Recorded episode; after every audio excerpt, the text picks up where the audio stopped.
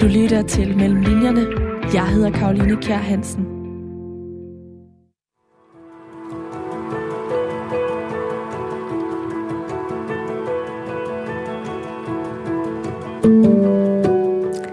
Det var en mørk og regnfuld aften. Genovas industrihavn lå øde hen, og metalliske ulvehylste op fra kajen. Alligevel lå forfatter og journalist Puk Damsgaard sig som eneste passager indskrive på det gigantiske containerskib Titan. De første skridt med to tunge kufferter op ad stigens hældende trin langs siden på det skib, der har plads til intet mindre end 11.400 containere, gav hende instinktivt fornemmelsen af at skrumpe til en Lego-figur. Og sejlturen her, det var kun begyndelsen af en lang rejse mod og gennem Yemen. Et krigshavet og for de fleste lukket land, men også et naturskønt land, der har afgrøderne til kaffebønnen Arabica, som derfor blev titlen på Puk Damsgaards nye bog, der netop er udkommet. Tillykke med den, og velkommen til Puk Damsgaard. Tusind tak. Jeg er rigtig glad for at være her. Jeg er også rigtig glad for, at du er her. Hvordan havde du det egentlig, da du gik ombord på det her kæmpe containerskib? Det var en øh, helt ny verden for mig. Øhm, jeg aner jo ikke, hvad det vil sige at være på et containerskib. Jeg vidste faktisk øh, slet ikke, at det var muligt at komme ombord som passager på et containerskib. Øhm, så jeg var spændt og nysgerrig på, hvad det er for et liv, øh, der leves derude på alle de mange containerskibe, som sejler rundt i verden. Mellem linjerne er et program, hvor jeg taler med nogle af Danmarks dygtigste forfattere om de forberedelser og oplevelser, der ligger før deres bøger kunne skrives.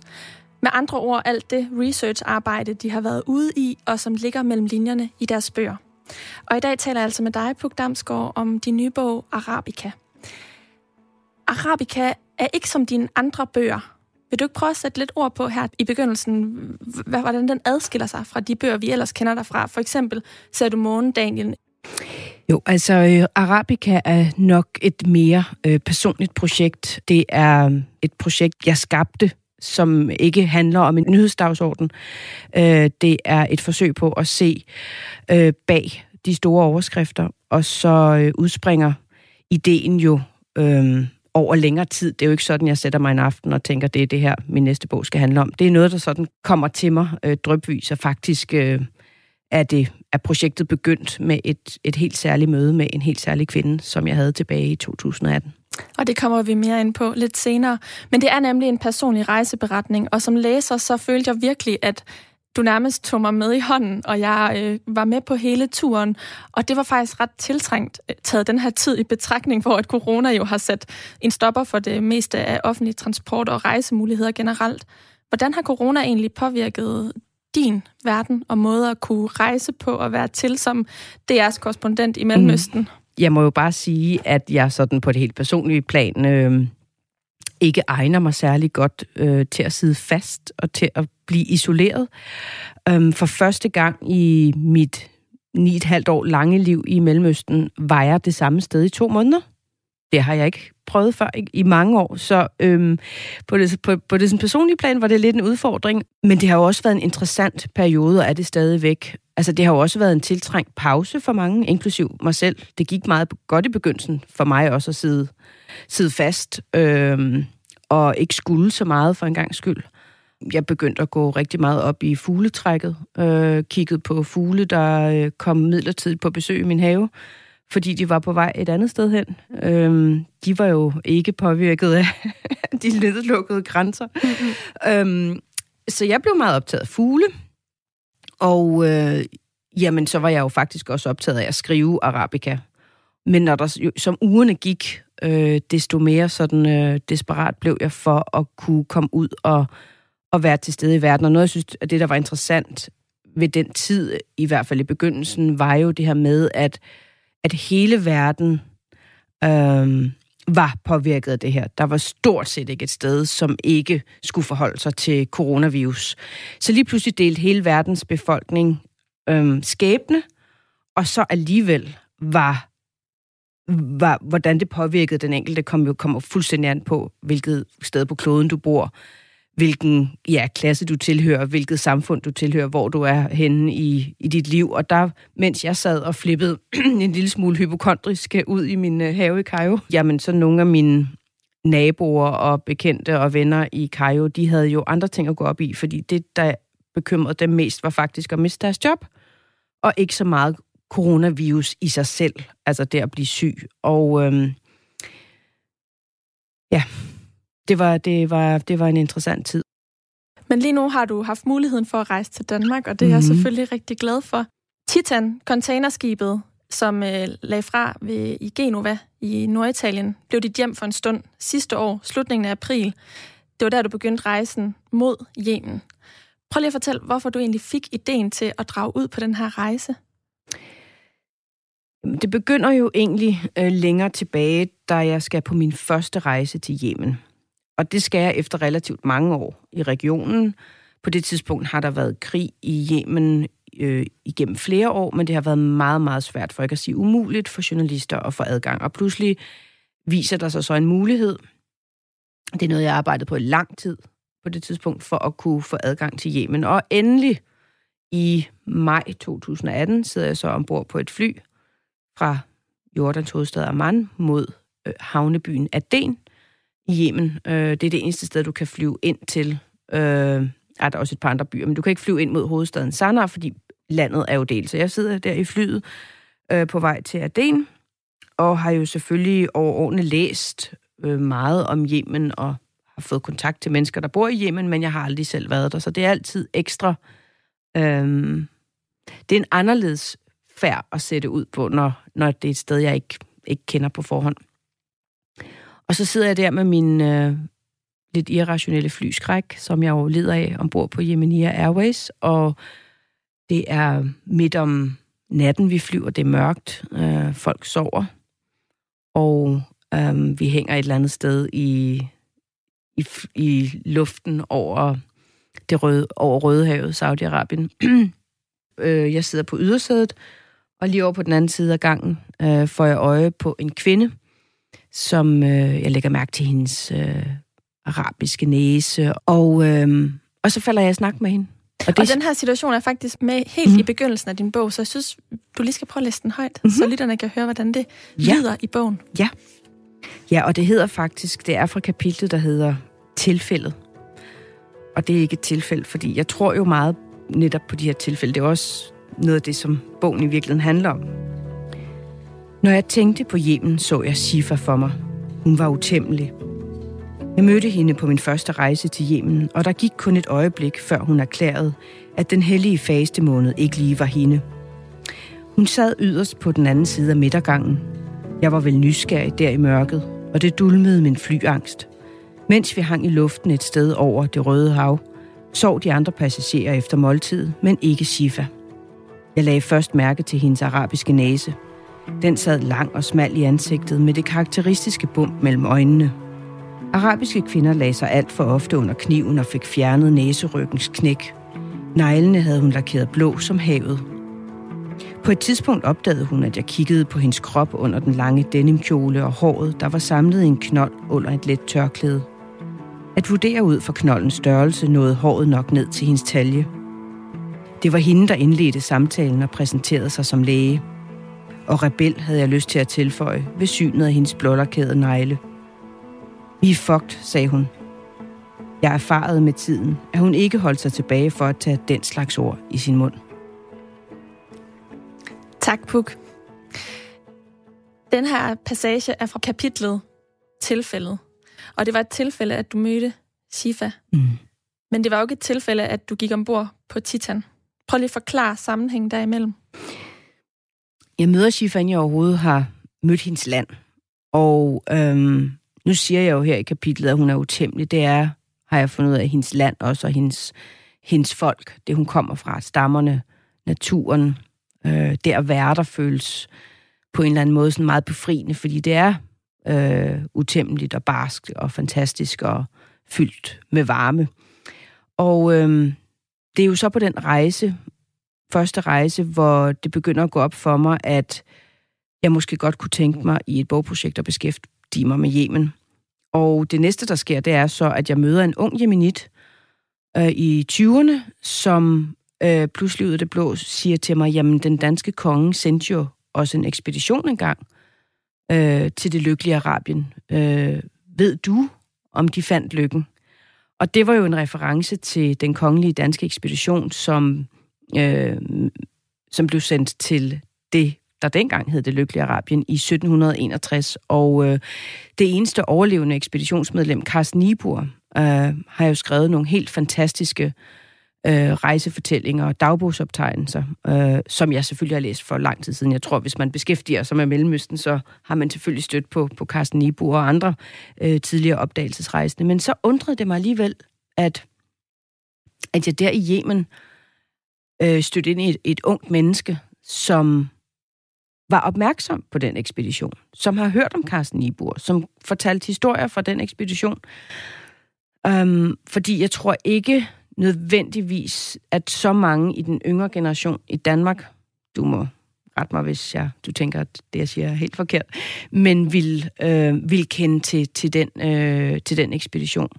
Den foregik midten af 1700-tallet, og jeg ja. kendte ikke til den. Så det var meget oplysende for mig, fordi du inddrager det også i bogen. Du har også øh, Carsten Niburs dagbog med ombord, og du har den med hele vejen mm. igennem rejsen, og sammenligner meget dine oplevelser med øh, ekspeditionens oplevelser undervejs. Men hvordan fik du fat i den her dagbog? Ja, pointen er jo så, at jeg, øh, at jeg ligesom begynder at synes, det er spændende at at genlæse hans dagbogsoptegnelser, øh, fordi det er fra en helt anden tid. Øhm, og øh, pludselig kunne jeg sådan øh, genkende, at der i hvert fald også er nogle ting i hjemmen, som ikke har forandret sig synderligt siden han besøgte landet for 260 år siden.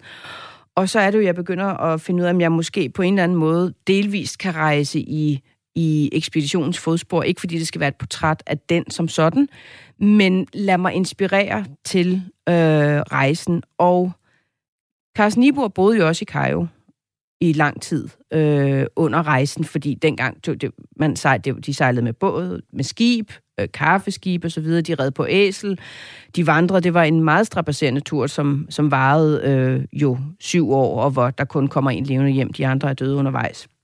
Carsten Niebuhr. Carsten Niebuhr, lige præcis. Og der er også dagbogsoptagelser for nogle af de andre, men, men han er ligesom den, man forbinder med turen, fordi han var den, der, der overlevede. Og øhm, så forsøger jeg jo så at finde ud af, hvordan kan jeg sejle ned gennem Rødehavet. Og der finder jeg ud af, at der er ikke så mange muligheder andet end at forsøge at komme på nogle af de skibe, som sejler øh, ruten øh, i Rødehavet og gennem Suezkanalen osv. Og, og der finder jeg så pludselig ud af, at hov, man kan rent faktisk godt være passager ombord på et containerskib. Og så går jeg ind og undersøger ruterne. Der er forskellige ruter rundt omkring i verden. Og ser så, at øh, der er et skib, der hedder Titan, som afgår fra Genova. Og sejler så øh, tværs over Middelhavet øh, mod øst. Øh, skal øh, sætte varer af og så videre. Skal, øh, skal ind i havnen i Beirut. Og så ned gennem Suezkanalen, meget legendarisk sted, meget spændende, ned gennem Rødehavet, Torveporten, og så hele vejen rundt om den øh, arabiske halvø. Øh, så, så, så jo selvfølgelig rundt om Yemen, Oman, op gennem Hormuzstrædet, og, øh, og så ind og stå af i Dubai. Og så tænker jeg, det kunne egentlig være interessant at lave den her bevægelse fra Europa mod Mellemøsten. Se den region, som jeg har rejst så meget i, fra vandsiden øh, ja, den maritime historie i det. Um, og så kastede jeg mod det, og anede selvfølgelig ikke, hvad jeg gik ombord til, øh, da jeg steg op af den her meget, meget lange, smalle øh, stige, lejder op mod, øh, mod ja, Titans dæk. Lad os prøve at dykke lidt ned i, hvad der ventede dig på den anden side af stigen. Du lytter til Mellem Linjerne. Jeg hedder Karoline Kjær Hansen. Og i dag taler jeg med forfatter Puk Damsgaard om hendes brit nye bog Arabica, som er en personlig rejseberetning, der først bestod af 4.800 sømil med containerskibet Titan mod Yemen, og dernæst en køretur på 3.600 km gennem Yemen. Og øh, jeg synes, vi skal prøve at dykke ned i de her oplevelser, du havde undervejs, og begynde med sejlturen. Du var den eneste passager, men kan du prøve at sætte lidt ord på, hvem du opholdt dig sammen med i lidt over to uger faktisk på det her skib? Mm. Øhm, allerede da jeg begynder at skal op af, af, af stigen, den her mørke, kolde aften på Genovas havn, øh, der møder jeg to filipiner, øh, og det viser sig, at halvdelen af besætningen, 13 mennesker, er fra Filippinerne, og den anden halvdel er fra øh, Kroatien. Så der var 13 kroater og 13 filippiner, og så var der mig, som de kaldte for Pax. Øhm, og jeg bagage. Fik... Faktisk. ja. Sådan et stykke bagage. jeg, er, jeg, er, ja, jeg er i hvert fald ikke... Øh, jeg er passager, og øh, bliver taget venligt imod, og bliver ført op til... Øh, jeg får min egen kahyt, og øh, du er selvfølgelig meget... Øh, fremmed, når du sådan stiger ombord på det skib, fordi besætningen har deres rytmer. Øh, man arbejder i skiftehold øh, 8 timer ad gangen gennem, gennem døgnet. Så øh, der, det tog også lidt tid, før jeg ligesom nåede at møde alle øh, ombord på skibet. Øh, kaptajnen, officererne er kroater, og så det filippinske mandskab øh, arbejder meget i, i maskinen og forskellige steder på dækket og så videre, og nogle af dem står også op på broen, hvorfra man styrer skibet, øh, og hvor der altid er en, for eksempel et filippinsk øh, besætningsmedlem til at holde øje i, i kikkerten, øh, mens at det så er styrmanden, som, øh, som ligesom øh, styrer de her instrumenter, øh, som, ja, man man styrer sådan skib ved, ved at trykke på knapper nu til dags. Det er jo ikke dengang, som dengang Nibor var et sted, hvor man var øh, ombord på de her øh, synkeklare træskrove og så videre. Øh, det, er, det er jo, ja, det er jo, så det er jo et indblik i sådan en, en meget moderne verden også. Øh, men du formår jo faktisk at komme ind på livet af den her besætning og blive en integreret del mm. af deres rutiner. Og øh, der er særligt en person, Win, som øh, kommer til at have stor betydning for din øh, integrationsproces, kan mm-hmm. man mhm. måske kalde ja, det. det Vil du prøve, hvem, hvem er Win?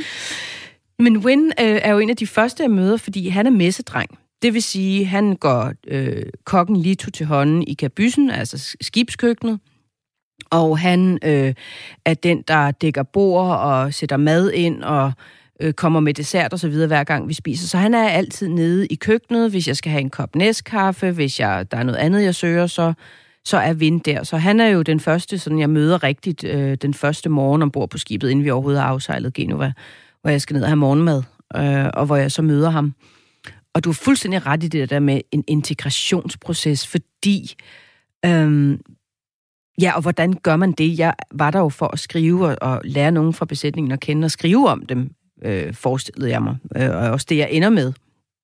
Øh, så jeg er selvfølgelig lykkelig for at finde ud af, at jeg må være over hele skibet. Jeg må også godt gå ind til motor, ind i motorrummet, som jo er et gigantisk øh, altså, palads i sig selv, altså med en helt særlig øh, med nogle helt særlige indbyggere. Altså, der er jo også en, det lærer jeg jo undervejs, der er jo en, en enorm kulturforskel, alt afhængig af, om du taler med de hvidskjortede styrmænd på toppen af skibet på broen, eller du er inde i øh, motoren, altså skibets hjerterum, øh, sammen med dem, som for sorte fingre, og som er dem, der faktisk sørger for, at skibet kan sejle. Øhm, og Vind bliver ligesom sådan, øh, han er også den, der skal har den opgave at skal gøre rent i min kahyt, øh, og kommer og samle skrald hver dag. Og øhm, så vi, vi, vi, vi begynder jo sådan at tale sammen, når der sådan er tid til det. Øhm, langsomt bliver jeg dog sådan også lukket ind i andre øh, øh, rum, øh, altså sådan også helt fysiske rum, øh, de kroatiske officerers rekreationsrum, får jeg lov at komme ind i, øh, og være med til at sidde der og, og drikke en øl. Øh, og hvad er et rekreationsrum? Jamen et rekreationsrum, det er øh, besætningens, øh, det er sådan et rum, hvor man sidder og hygger. Det er simpelthen en dagligstue faktisk, fordi de hver har jo sin egen kahyt. Og øh, rekreationsrum er så sådan et sted, hvor du kan spille spil, eller du kan samles og få en drink, inden du skal gå til bords. Nu var skibet et tørt skib, men det gik meget hurtigt op for mig, at man fik en shoes alligevel. Øh, det havde kaptajnen besluttet sådan mod alle lovregler. Altså, det er jo junglelov, når man sejler rundt derude. Og, og de var også opdelt, så det var et meget delt, altså alle, alle øh, kroaterne spiste sammen i en, en messe, og Filippinerne spiste sammen i en anden messe. Så var der nogle gange, hvor der var barbecue på dækket, hvor man, hvor man kom mere sammen på tværs. Og midt i det der skulle jeg så finde mig til rette. Jeg skulle sidde inde sammen med kroaterne, men ikke ved deres langbord. Jeg fik mit eget bord, passagerens bord, hvor jeg så Øh, det var nok noget af det sværeste. Jeg skulle, skulle sidde og spise alene hver dag, mens de andre sad sammen. Og det var ikke fordi, at de ikke ville tale med mig, men der var sådan nogle regler. Um, og det kan jeg huske, det var jeg sådan meget forundret over. Sådan, jeg kæmpede sådan lidt for at finde mig til rette i, fordi det er meget mærkeligt at sidde helt alene ved dit eget bord og spise, mens at øh, alle andre sidder ved et langt bord. Øh, Filippinerne, deres sådan ghetto, kan du sige, det var, det var deres jeg rekreation. det, ghetto. ja, det var det, fordi det var deres rekreationsrum, øh, hvor jeg fik lov at komme ind, og de... Øh, det var jo så en kulturforskel fra kroaternes øh, rekreationsrum, hvor der var noget kroatisk pølse, de havde taget med hjemmefra og så videre. Øh, Filippinerne, de øh, gik meget op i at synge karaoke. Og øh, det var noget, de gjorde sådan ret op, ofte, og hvor jeg jo hang ud der i, i rekreationsrummet, og øh, og kom heldigvis udenom at skulle synge, men fik ligesom startet en, øh, en dansetrend i stedet for. At de fandt ud af, at det var faktisk meget sjovere at synge, hvis der var nogen, der dansede, og man ligesom ikke bare sad i sofaen og stenede. Øh, og så var der jo selvfølgelig også hele den her rute, og det her med at krydse Middelhavet. Øh, altså, der var det meget konkrete liv på skibet, som jeg skulle forsøge at trænge ind i, og samtidig var det jo også en fortælling om noget større, at, at i virkeligheden så er Middelhavet jo sådan et sted, hvor hvor drømme fører folk hen, øh, og hvor nogle af drømmene drukner, hvor folk helt konkret drukner i et forsøg på at komme fra en verdensdel til en anden for at, um, at finde det gode liv, et bedre liv, for at forfølge sine drømme. Og det var jo noget, jeg godt kunne genkende på Titan, i forhold til, at de filipiner, der var ombord, de var, var ombord i ni måneder ad gangen. Det vil sige, de var væk fra deres familier i ni måneder for at tjene penge nok til at skabe en bedre fremtid for deres familie. Så det var jo sådan et... At sejle på Middelhavet er ligesom at sejle midt i, i drømmene, mulighederne, men også mulighederne for, for at kendre, for ikke at lykkes. Øhm, altså fordi jeg jo krydsede, kan du sige, på tværs af... På et tidspunkt sejlede vi med, med Libyen på den ene side, hvis vi kunne have set langt nok øh, og Italien på den anden, øh, og så videre, og så videre, og hvor at der jo har været, altså det er jo det sted, hvor der er størst øh, migrationsstrøm, øh, og hvor ofte handelsskibe og containerskib som Titan ender med at skulle redde folks liv fra de her små øh, gummibåde. Øh, der er masser af rædderier og sejlskib, som, øh, som hjælper nødstedte øh, flygtninge og migranter, fordi det skal de efter de internationale konventioner. Så, så der er både sådan den lille bitte verden på Titan, men jeg var der også for at skrive om, om det, der er større end det. Um, så når besætningen de arbejdede, så skrev du eller hvad fik du tid Jamen, til at de gå arbejdede med? jo sådan set hele tiden. Det var jo ikke sådan, så hele besætningen på et eller andet tidspunkt havde fri, for der var altid nogen... Øh, tiden gik fra 8 til 12 fra 12 til 16 og fra 16 til 20. Så man havde alle besætningsmedlemmer havde to fire timers vagter i løbet af et døgn. Så når du for eksempel gik til frokost kl. 12, der var jo klart spisetider kl. 7 til 8, fra 12 til 13 og fra 18 til 19, mener det. øhm, så når vi mødte til frokost der, jamen så var der nogen, der lige havde været nede og træne, kom i joggingbukser helt svedige. Nogen var lige vågnet, fordi de havde taget en lur, fordi de havde arbejdet om natten. Øh, og nogen var lige mødt på arbejde. Så vi var alle sammen sådan i... Så, så det var lige gyldigt, hvilken rytme jeg på en eller anden måde var i. Så ville jeg passe ind i en eller anden andens øh, rytme, og under alle omstændigheder sådan titans rytme, det her skib, der sådan blev ved med sådan at forsere øh, have og oceaner, og sådan den her maskine, der bare bliver ved med at arbejde, og som du på en eller anden måde mm, kommer meget i synk med. Altså, jeg vendede mig til sådan den der... Man kan næsten ikke høre det, men sådan, der er jo altid lige en lille bevægelse. Øh, men du, mens du ligger og sover, eller du er i bad, eller sådan. Og sådan en bevægelse som blev meget afhængig af. Det var meget smukt at være, være ombord i virkeligheden, og, og landskabet udenfor. Man tror måske, et hav er et hav, men det ændrer sig jo hele tiden, altså i forhold til det værlige, i forhold til vinden, bølgerne, farven, øhm, jamen landskabet mm. øh, ændrer sig virkelig. Øh, og ja, så var ideen jo, at jeg rendte rundt og interviewede folk, og så sad jeg også rigtig meget på min kahyt og læste Carsten Niebuhr, læste rejsefortællinger og skrev på mit eget. Øhm, og det var jo luksus simpelthen at have to og en halv uge til kun at skulle det. Og der var ikke så meget andet, jeg kunne gøre heller. Hvad synes de om, at du var der, og at du interviewede dem med henblik på at skrive en bog? Det synes de var...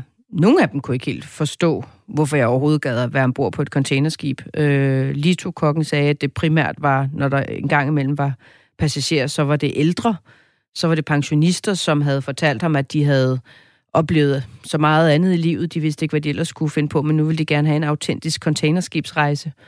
Øhm, og fordi Litu, Litu han var en gut, eller er en gut, som har sejlet i så mange år. Øh, og på krydstogsskibe, og han har sunget karaoke, han har kokkereret, nu er han tager på det her containerskib. Og han kunne virkelig ikke helt forstå, hvorfor det var noget, man havde lyst til at gøre sådan helt frivilligt. Men det er jo også, fordi det er hans arbejdsplads.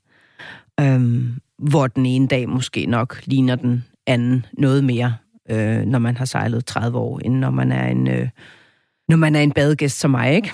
Ja. Så nu sagde du her i begyndelsen, at øh, under corona, så havde du opholdt dig for første gang to måneder det samme sted. Og her var du jo lidt over to uger, to og en halv uge til tre, på et skib, hvor du ikke rigtig... Du var ligesom bare der, fasttømret på skibet. Var det aldrig indelukket? Overhovedet ikke. Det føltes tværtimod enormt frisættende, fordi det kan godt være skibet, nu var det jo også et kæmpe skib, det var det, øh, og jeg kunne jo spendere 10 minutter og gå fra min kahyt og sådan hele vejen ud til stævnen og skibet og sidde i det, jeg kaldte for Titan-positionen, altså fuldstændig ligesom i Titanic-filmen næsten, ikke? Men Leonardo DiCaprio og Kate Winslet. øhm, altså, hvor jeg bare sad derude og kunne intet høre, kunne ikke engang høre, at skibet brød bølgerne, fordi at det skete længere bagved, så det var fuldstændig frit svævende. Så der var mange steder øh, at gå hen, gå, tale med mekanikerne nede i motoren og så videre. Men jeg tror, det var det her med at, at være i bevægelse, og jeg var jo også på en rejse, og det var også sådan et tidspunkt, hvor der måske skete øh, meget ind i mig, i, i mødet med de mennesker, og i forhold til skriveprocessen. Og jeg kan huske, da jeg endelig steg Titan, der fik jeg det med det samme sådan en klaustrofobisk følelse, fordi det pludselig føltes klaustrofobisk at stå med fast grund under fødderne. Fordi jeg havde været vant til, at, at skibet bevæ- bevægede sig, øhm, og at jeg hele tiden på den måde øhm, øhm, indåndede ny luft, kan du sige. Øh, så da jeg, lige da jeg stod af skibet nogle dage efter, føltes det faktisk klaustrof- mere klaustrofobisk at være på land, og skibet føltes på ingen måder begrænsende, fordi du havde jo udsigt så langt øjet rakte hele tiden. Og det var jo også kæmpestort, som du siger. Mm. Altså, jeg ved ikke, om man kan sige, at det er en lille bitte landsby, men det er jo et stort areal i sig selv. Absolut. Det var, ja, så vidt jeg husker, 360 øh, meter langt, ikke? Mm. Øh, ja. Lige om lidt, så skal vi tale om, hvad du så egentlig oplevede, da du step, øh, gik i land. Men du siger, at der skete også en masse inde i dig, da du var ombord på Titan. Hvad var det? Jamen, det var jo det her med at øh, prøve at fange, hvad det vil sige at være rejsende. Øh, og hvad det vil sige at dræbe efter det gode liv og et bedre liv, fordi øh, det synes jeg jo ofte er for mange mennesker, jeg generelt møder og laver historier om i Mellemøsten og blandt mine bekendte, så er det jo ofte et tema. Det er det jo også for os selv herhjemme. Vi stræber hele tiden efter et bedre liv, noget andet. Øhm, hvad det så end er, fordi det er jo, altså, det er jo selvfølgelig meget, meget forskelligt. Øhm, og til det, var, det var sådan et øh, tidspunkt, hvor jeg havde virkelig tid til at sætte mig ned og læse de her øh, rejsebeskrivelser fra Carsten Niebuhr og på en eller anden måde reflektere over den tid, vi lever i nu, kontra den tid, han rejste i. Men Puk, jeg tænker da, at du om nogen er en rejsende person og må reflektere over det, men det har du måske ikke tid til på dine rejser ellers? Jo, selvfølgelig. Jo, altså, jeg håber, der er lidt reflekteret en gang imellem. Men det er klart, at har du to og en halv uge, hvor du kan komme væk fra skibet, altså, og hvor du vidderligt er meget, øh, altså, du kan kun være til stede der, på en eller anden måde, ikke? Øh, så er det et begrænset space. Det er da meget koncentreret. Det er da virkelig koncentreret. Og det, det, den form for luksustid, synes jeg ikke, jeg har så meget af i min, i min hverdag. Men en person, som du fik øh, luksustid med på rejsen, det er Shifa, som vi lige hørte beskrivelsen af før, som øh, er den her kvinde, du møder ved et tilfælde i et fly, og I begynder at tale sammen.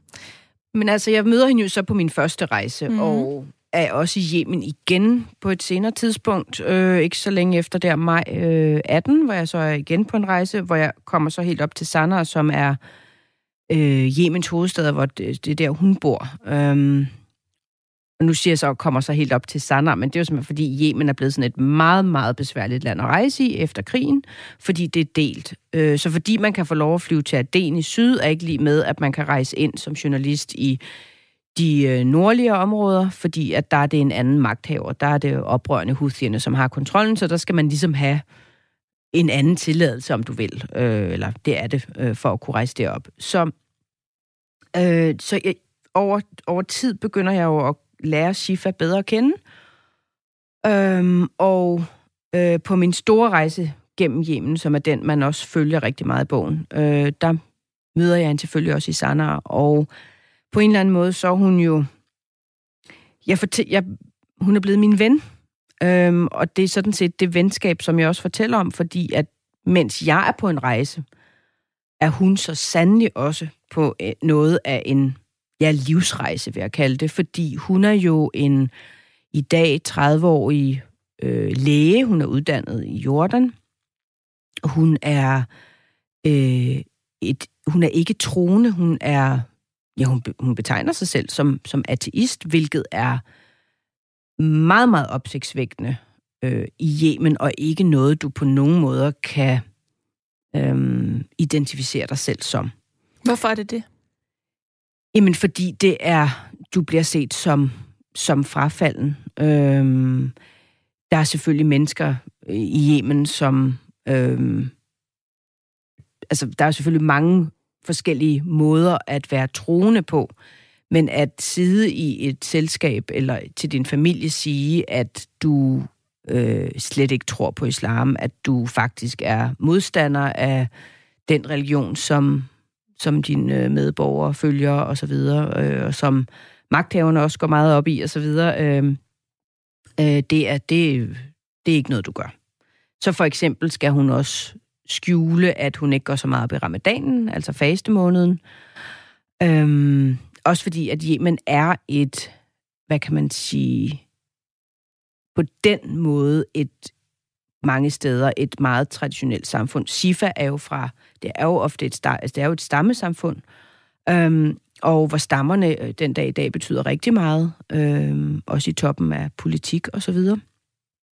Og Shifa er fra en stamme, lidt uden for hovedstaden, en ret vigtig stamme, og er jo så heldig i virkeligheden at have en far, som har gjort op med nogle af stammetraditionerne i hvert fald, fordi da han var lille dreng, blev han givet til imamen af Yemen som gissel, barnegissel, fordi det gjorde man dengang, det var stammerne tvunget til, og det var så myndighederne kunne kontrollere de her ellers ildre stammer. Øh, når man simpelthen havde en af sheikens sønner, stammesjejkens sønner, i varetægt, så kunne man ligesom styre, hvad stammerne gjorde.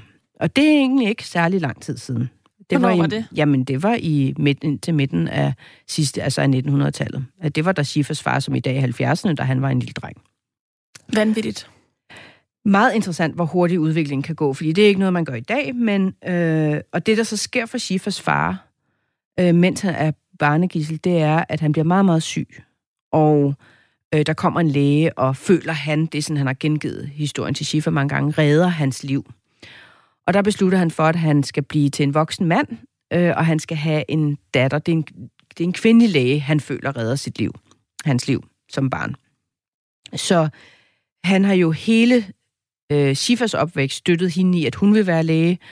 Det er et spørgsmål om, det giver ham enormt stor stolthed og ære, at hun er blevet læge, og passer sit arbejde på hospitalet, eller hvor hun nu har arbejdet og, og redder liv simpelthen.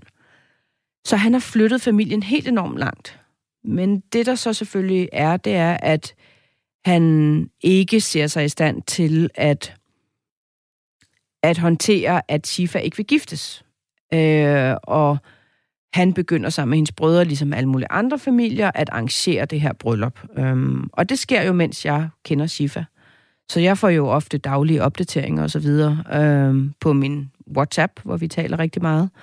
Og øh, de gange, vi så har mødtes i Yemen, alle mulige steder, når jeg har været på rejse, og hun stadig var der, øh, der har vi jo siddet netter og ja, dage, når vi havde mulighed for det, og, og talt om de her ting, og jeg har lyttet til alle hendes øh, bekymringer, og den hemmelige plan om at flygte, som hun, som hun sætter i værk, mens jeg øh, lærer hende at kende.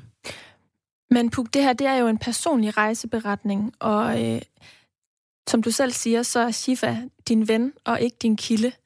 Hvad er det ved Shifa, som du kan se dig selv i, eller som skaber en genkendelse hos dig, siden at du gerne vil øh, lytte til hende og være der for hende i den her situation? Jamen, hun repræsenterer på en eller anden måde noget meget alment, fordi jeg tror, at der i alle familier, ikke bare i Mellemøsten, men også her i Danmark, findes et tidspunkt øh, og en bestemt person, som for første gang gør noget, som ingen i familien har gjort før. Altså det kan være, det her det var øh, familiens første skilsmisse, eller øh, det kan være, at der er et familiemedlem, som øh, vælger en helt anden vej i livet end, end resten af familien. Det kan være... For mit eget vedkommende i min familie er jeg den første, der, der gik på universitetet. Øhm, og det er jo det samme for Shifa. Hun, hendes far har virkelig trukket familien ind i den moderne tid, kan du sige. Men jo, så kommer hans datter, som er den næste generation, og fanden gale med insisterer på, at hun vil sgu ikke bare giftes væk. Og hun er en moderne, selvstændig kvinde, som ikke gider sidde med en eller anden idiot, der vil have, at hun skal tage sorte handsker på, han vil have, hun skal, han, hendes forlovede vil have, hun skal gå ind i kap, altså den heldækkende øh, øh, øh, beklædning. Øh, han vil have, hun skal skifte fag således, altså han vil, have, hun skal læse til gynekolog, så hun kun har kvindelige patienter, osv. osv. Det er så langt fra, hvem Shifa er.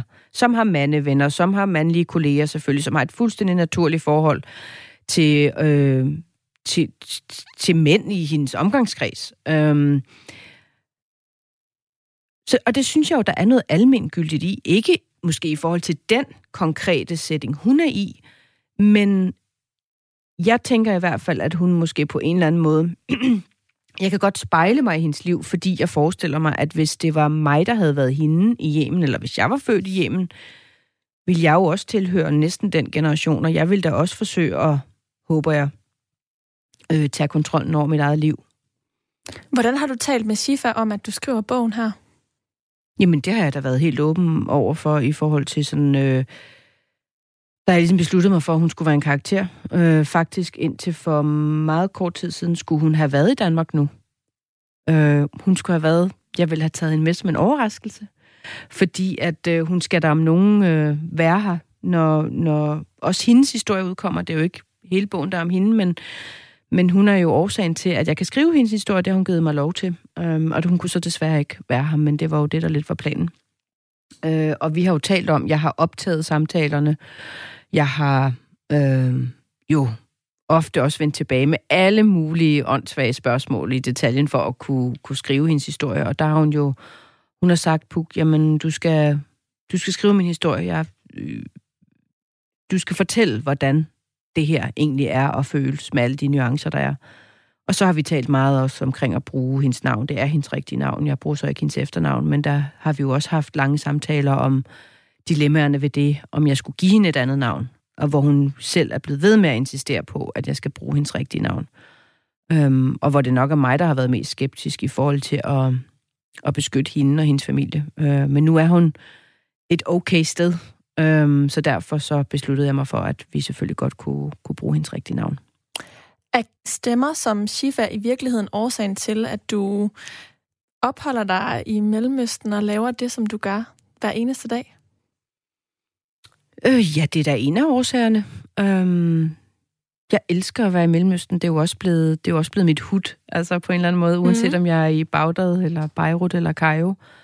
Øhm, Hvorfor elsker du at være i Mellemøsten?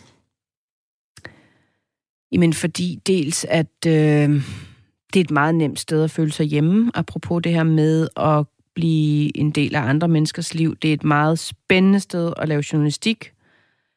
fordi at, mm,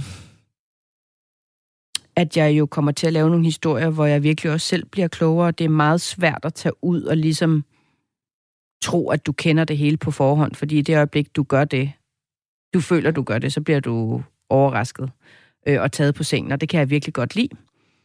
Øhm, og jeg mener jo, det er rigtig vigtigt at øh, blive ved med at fortælle historier fra Mellemøsten, fordi at øh, det ligger tættere på, end vi, øh, end vi lige... Det er vi ikke så gode til at, at måske registrere til hverdag, men hvad der sker i Mellemøsten har jo også konsekvens for, øh, øhm, for Europa og for Danmark, og øhm, det sætter jeg i øvrigt en meget stor ære i at være med til at at udbrede kendskabet til Mellemøsten og bringe nogle skæbner og nogle mennesker hjem i folks stuer.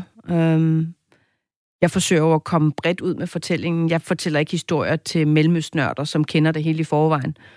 Øhm, der er mange andre bøger og steder, de kan gå hen og få viden. Øh, jeg forsøger at, at give nogle nuancer til en region, vi har mange forestillinger om, øhm, til mennesker, som ikke beskæftiger sig med Mellemøsten på daglig basis, og det synes jeg er øh, for mig en meget, meget øh, spændende og, og sådan øh, fornem opgave at, at tage på sig. Eller det, det er noget, jeg synes er vigtigt. Og det er også noget, du har gjort efterhånden i, øh, i en del år, mm. og har en erfaring, du kan trække på, både i dit møde med Shifa her, men også i hele processen med at få adgang til Yemen. Var der noget tidspunkt i løbet af rejsen i Yemen, at du følte dig uforberedt? Ja, det var et interessant spørgsmål. Øhm... Uforberedt, altså... Mm, nej, jeg vil ikke sige uforberedt, men jeg, jeg forsøgt at øhm, rejse afsted sådan meget øhm, ikke ikke påvirket af altså meget researchen om kaffen, om røgelsesruterne, om Selvfølgelig havde jeg sat mig ind i, hvad det handlede om, men, men det gik jeg egentlig mest i gang med efter rejsen. Fordi jeg anede jo ikke, hvor meget rejsen vi ville ende med at kunne gennemføre. Det kunne være en grueligt galt. Vi havde en plan for ruten, øh, og der var nogle ting, jeg helt klart meget gerne ville undersøge. Jeg havde en plan, men så er der jo alt det, vi ikke øh, kan... Altså, så er der alt det, vi ikke kan planlægge. Øh, og vi aner ikke, hvad der sker på rejsen, så så det var sådan lidt bare med at, at overlade sig til tilfældet. Hvad gjorde størst indtryk på dig i løbet af de her 3.600 kilometer gennem Yemen?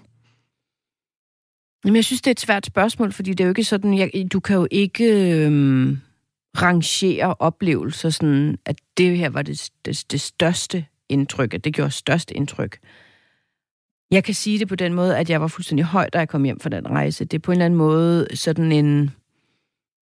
Øhm, sådan en, en milepæl i mit liv på en eller anden måde. Øhm, men noget af det, som jeg synes var utrolig fascinerende, var, da vi endelig kommer til Kaffebjergene, som var et sted, som Nibur også besøgte, og som jo på en eller anden måde øh, ligner sig selv og er sig selv fra den gang, han var der. Og selv ude i de her isolerede kaffebjerge, hvor der er en asfalteret vej, hvor øh, børn vandrer halvanden time for at komme i bjergskolen, hvor, hvor hele lokalsamfundet lever af, af arabikabønnen, hvor kvinder går i de her plantager på de meget stejle skråninger, øh, hvor, de bor, hvor de gror på sådan nogle terrasser og går og plukker de røde bær. At, at gå rundt der med en lokal kaffebunde, og så Hussein, som er en karakter i min bog, som er den her kaffeiværksætter, og smage på de her bønder – følge hele processen af, hvordan de kaffebønder, ja, desværre ikke så mange fra Yemen er der her, men hvordan, hvad, hvad er processen egentlig, inden vi, de kommer til os, og vi skal drikke kaffen? Øhm, det synes jeg, der var, det gjorde enormt stort indtryk. Altså den stillhed og det liv, der bliver levet det sted, øhm, hvor der ikke er elektricitet, hvor man benytter solceller, hvor øhm, hvor dalen sådan bliver fuldstændig stille om aftenen, og øhm, altså hvor tempoet, hvor, altså hvor tempoet på vores tilværelse er noget helt andet. Altså noget, vi har glemt. noget, der kun eksisterer meget få steder i verden i virkeligheden. Blandt beduiner, hyrdefolk måske, der vandrer med deres dyr. Det er jo også sådan et, et fag, vi ikke dyrker længere her. Øhm, og det er jo helt tydeligt, at det gør stort indtryk mm. på dig lige nu. Men mm. det mærker man også, når man læser bogen, og du har udvalgt en lille passage, mm-hmm. som øh, viser det. Skal vi ikke lige høre den? Ja. Øh, jeg er jo sammen med Hussein, øh, som er øh, den her mand, som, øh, som er på jagt efter jemenitisk kvalitetskaffe, øh, og jo forser bjerge og stammer for at finde de helt rigtige bønder øh, blandt de lokale øh, kaffebønder. Okay. Hussein førte os ind mellem bjergsiderne. Over os svævede rovfuglene og ventede på byttet. Deres skygger gled over klippevæggen. Vi havde lagt majsmarkerne bag os, og en ensom soldat ved den sidste kontrolpost så forvirret ud over vores tilstedeværelse. Jeg ved ikke, men I kan, I kan køre. Kør med Gud, sagde han og viftede os afsted. Hussein vendte blikket fra vejen mod mig og smilede. Hans kenianske farmor fornægtede sig ikke. De fyldige læber, den mahonibrune hud under den tilfældige t-shirt. Vi er frie, nu er der kun stammerne, bemærkede han og slap rettet. En bonde ved til side med sine geder på den smalle vej.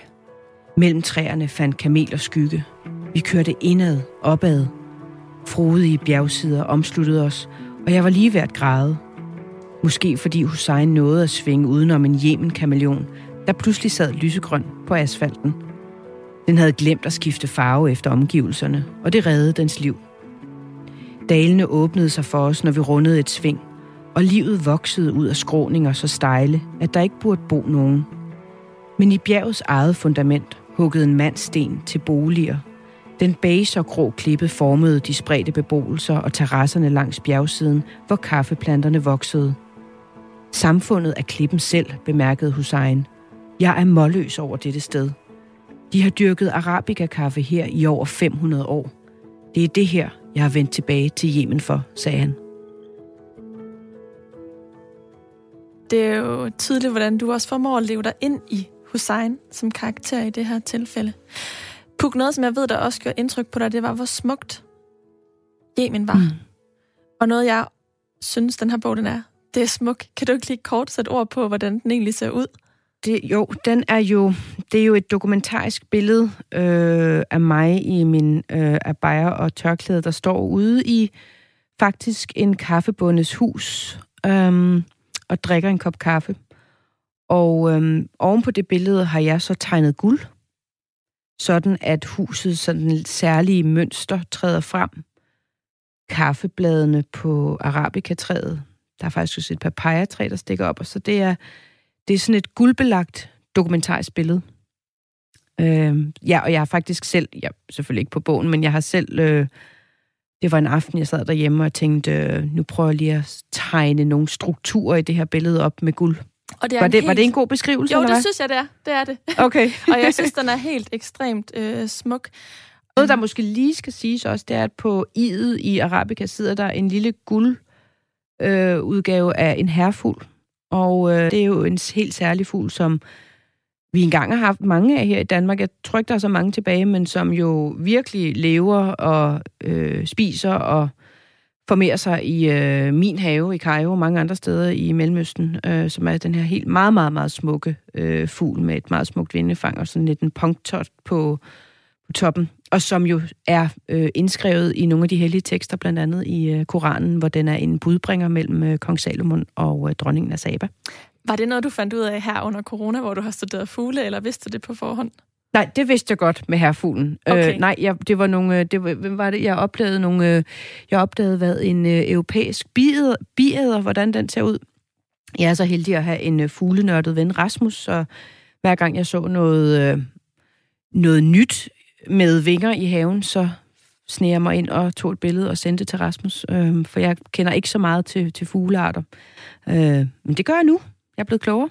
Ja, mm. og øhm, faktisk så var det jo også efter rejsen, at du begyndte at skrive på den, og under corona. Jeg synes lige, vi skal prøve at dykke ned i skriveprocessen. Du lytter til Mellem Linjerne. Jeg hedder Karoline Kjær Hansen. Forfatter Puk Damsgaard, nu har vi talt om, hvordan du fik ideen til at drage ud på den her rejse fra Genova til Yemen. Noget, der slog mig, da jeg læste den her bog, det er, hvor detaljeret den er. Den er ekstremt scenisk, og du maler simpelthen billeder for mig hele tiden. Og jeg tænkte flere gange, hvordan har du fastholdt alle de her indtryk? Har du skrevet den undervejs, eller først efter? Øh, ja, altså, jeg tog øh, rigtig, rigtig mange noter. Øh, det gør jeg altid. Øh, skriver den mindste ting ned, jeg måtte øh, sanse, opleve, en tanke, jeg har fået. Øh, jeg har altid en min notesbog øh, i tasken ved siden af mig, eller på mig faktisk. Så optager jeg lyd undervejs. Øh, undervejs øh, Hvilken for, slags lyd? Det kan være øh, lyd af... Jeg optog lyden af kaffebjergene om morgenen. Så tog jeg også video og billeder. Øhm, altså ikke billeder, der skulle tages for at blive til gode billeder, men egentlig sådan fuldstændig for at kunne huske for eksempel, hvordan et rum ser ud. Og så skriver jeg selvfølgelig også undervejs, øh, hvis jeg pludselig bliver grebet af, af et eller andet, der bare skal skrives ned, jamen så tager jeg mig tid til det og sætter mig ned og får skrevet det, og Øh, da jeg skrev Den Sorte Kat i Mosul, var det jo sådan en del af eksperimentet faktisk, at skrive, mens jeg sad midt i krigszonen, og hvad ville der ske, hvis jeg bare fældede det ned umiddelbart, mere end bare også noter, eller et ord, eller et stikord, men simpelthen bare sad og skrev. Øh, og der kom jo selvfølgelig noget andet nerve, fordi det var ikke inden jeg havde fordøjet det hele med 15 glas hvidvin hjemme på terrassen i Cairo, vel?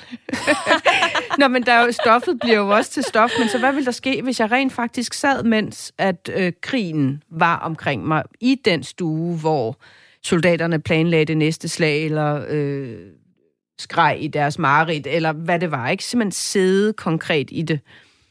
Og det gjorde jeg også nogle gange på turen til Yemen, altså tog computeren frem og sådan konkret sad og skrev ned på den, øh, mens vi kørte forbi nogle landskaber. Men Puk, jeg har læst, at du skriver faktisk, øh, når du har fri, altså du skriver sideløbende med dit mm. virke som journalist, ja. når du har fri eller i ferie, og det, at det er egentlig lige så afslappende for dig, som at ligge i en hængekøje eller stige ud i luften. Er det også tilfældet med Arabica? Absolut. Ja, altså jeg har ikke øh, haft ferie siden altså sådan ferieferie siden øh, 2018, øh, fordi jeg har brugt ferierne på dels at rejse at få indsamlet materialet, og øh, dels at skrive. Og ja, jeg har jo et fuldtidsjob selvfølgelig, og, øh, og det skal jo ikke gå ud over det, og det gør det heller ikke. Så jeg skriver jo i weekender, eller hvis jeg er fri i weekenden, det kan jo være på rejse, det kan være, det er en aftenstund, øh, nogle gange om natten. Altså, og det er jo fordi, at bøgerne er mit vandhul. Altså, øh, nyhedsdagsordenen og nyhedsjournalistikken elsker jeg at, at være til stede i. Men nogle gange er det også lidt en ørkenvandring, og der er bøgerne nok lidt øh, at sammenligne med, du ved, elefanterne, der vandrer ud over ørkenen og pludselig finder, øh, finder et vandhul og bolder sig i, ikke? Øh, bøgerne er jo sådan det langsomme, øh, fordybelsen, stilheden, perspektivet, øh, det er noget andet, og det øh, netop det som en vekselvirkning til den lidt mere hektiske nyhedsdagsorden, øh, fungerer perfekt i mit liv faktisk. Det komplementerer hinanden rigtig godt i virkeligheden, fordi når jeg så også har siddet med et bogprojekt, der har været langsomt og skønt, så er jeg jo også klar til at producere et eller andet, som jeg starter med om morgenen og er færdig med om aftenen. Ikke? Men det lyder også til, at du har et enormt afslappet forhold til det at skrive. Der er nogen, der øh, synes, det kan være enormt øh, pressende eller stressende at skulle producere. Hvordan har du fået det? Ja, altså jo, selvfølgelig kan det nogle gange godt være meget svært lige at komme i gang, når der er fuldstændig tom, hvid verden på skærmen, ikke? Øh, men øh, jamen, fordi jeg tror, jeg bare, jeg sætter, jeg, jeg, jeg kan godt lide at skrive. Og øh, jeg kan også godt lide at gå i stå med at skrive, og det er naturligt, så rejser jeg mig op og laver noget andet, eller vender tilbage til den time efter. Eller jeg, jeg, måske er det også et aktivt valg, fordi at hvis det bliver en, hvis det bliver en stresset skriveproces, så altså det er jo et sted, hvor jeg på en eller anden måde skal finde mig til rette i, altså for at have det godt i det.